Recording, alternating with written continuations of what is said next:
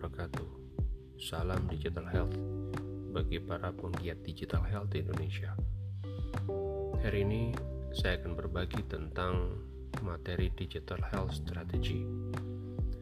Beberapa waktu lalu saya bagi materi ini pada sebuah fakultas kedokteran di Indonesia. Penting rasanya kita mendefinisikan digital health strategy itu apa. Banyak yang mengatakan digital health itu adalah kumpulan dari hal-hal seperti wearable device, kemudian ada e-learning, ada artificial intelligence, ada juga startup di dalamnya, kemudian teknik entrepreneurship dan juga innovations. Tapi sebenarnya apa definisi digital health strategy? Ada beberapa komponen atau uh, penggagas atau pembahas digital health strategy dari tingkat global, nasional maupun ya saya sendiri bagaimana mendefinisikannya. Nah, pada tingkat global, digital health technologies itu adalah suatu usaha di mana untuk mempromot global collaboration and advance untuk mentransfer knowledge agar layanan kesehatan menjadi lebih baik melalui digital health tersebut. Kemudian, mengadvance implementasi digital health secara nasional, kemudian memperkuat governance for digital health pada tingkat global, regional, dan juga nasional. Selain itu juga advocate people center sistem kesehatan di mana juga akan me membangunkan prasarana dari kesehatan digital. Di mana kita posisi sekarang dalam pengembangan digital health?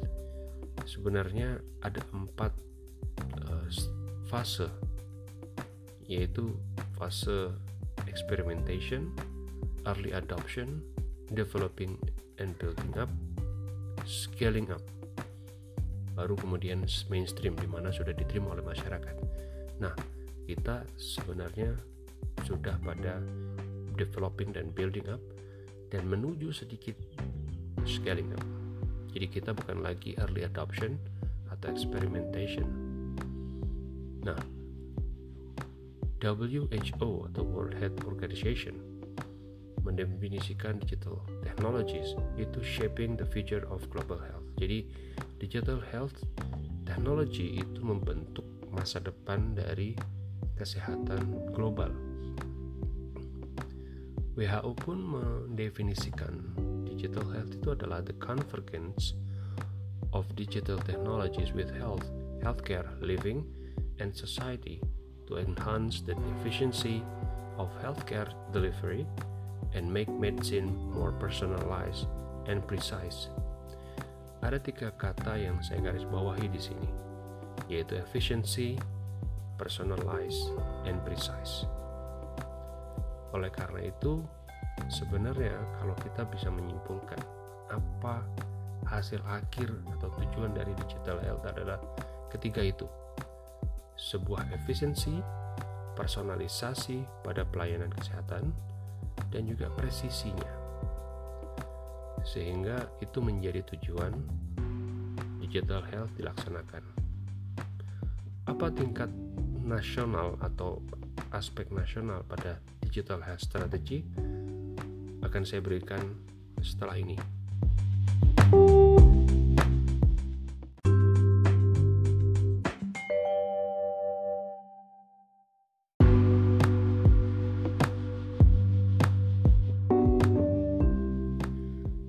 Ya, kita kembali pada pembahasan digital health strategy pada tingkat nasional pada 2-3 bulan yang lalu saya juga berbagi tentang digital health yang artinya adalah the basic principles-nya.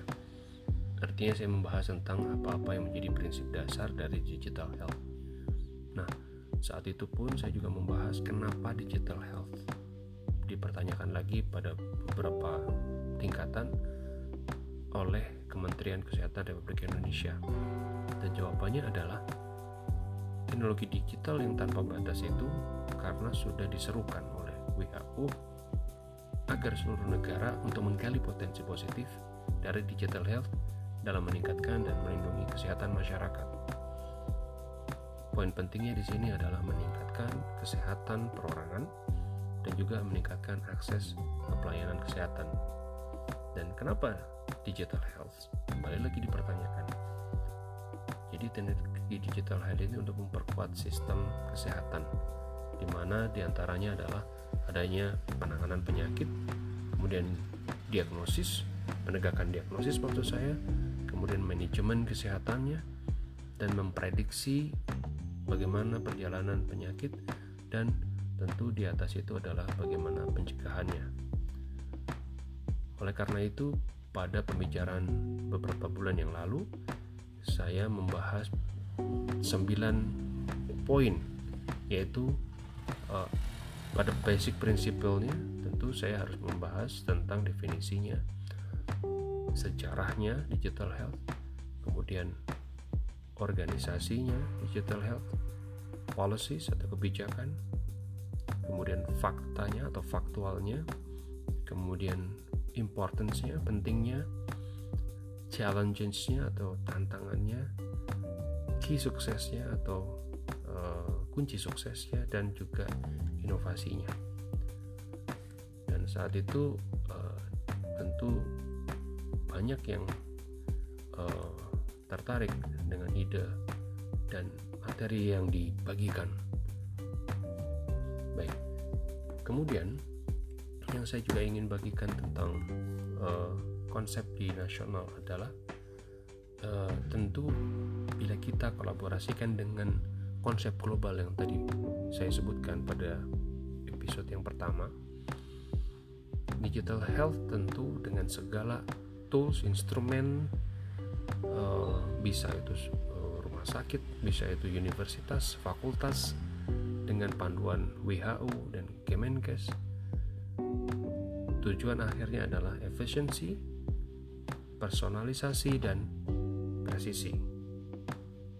Dan itu menjadi strategi digital health.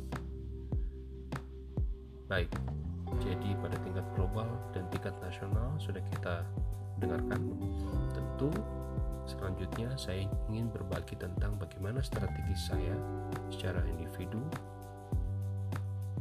mengembangkan digital health yang tentu berstrategi. Saya akan membahasnya pada episode selanjutnya. Semoga Anda tetap mengikuti materi atau apa yang saya bagi tentang digital health strategi selanjutnya. Salam Digital Health, saya Dr. Niko Asari Hidayat, spesialis bedah toraks, kardiak, dan vaskular. Sampai ketemu.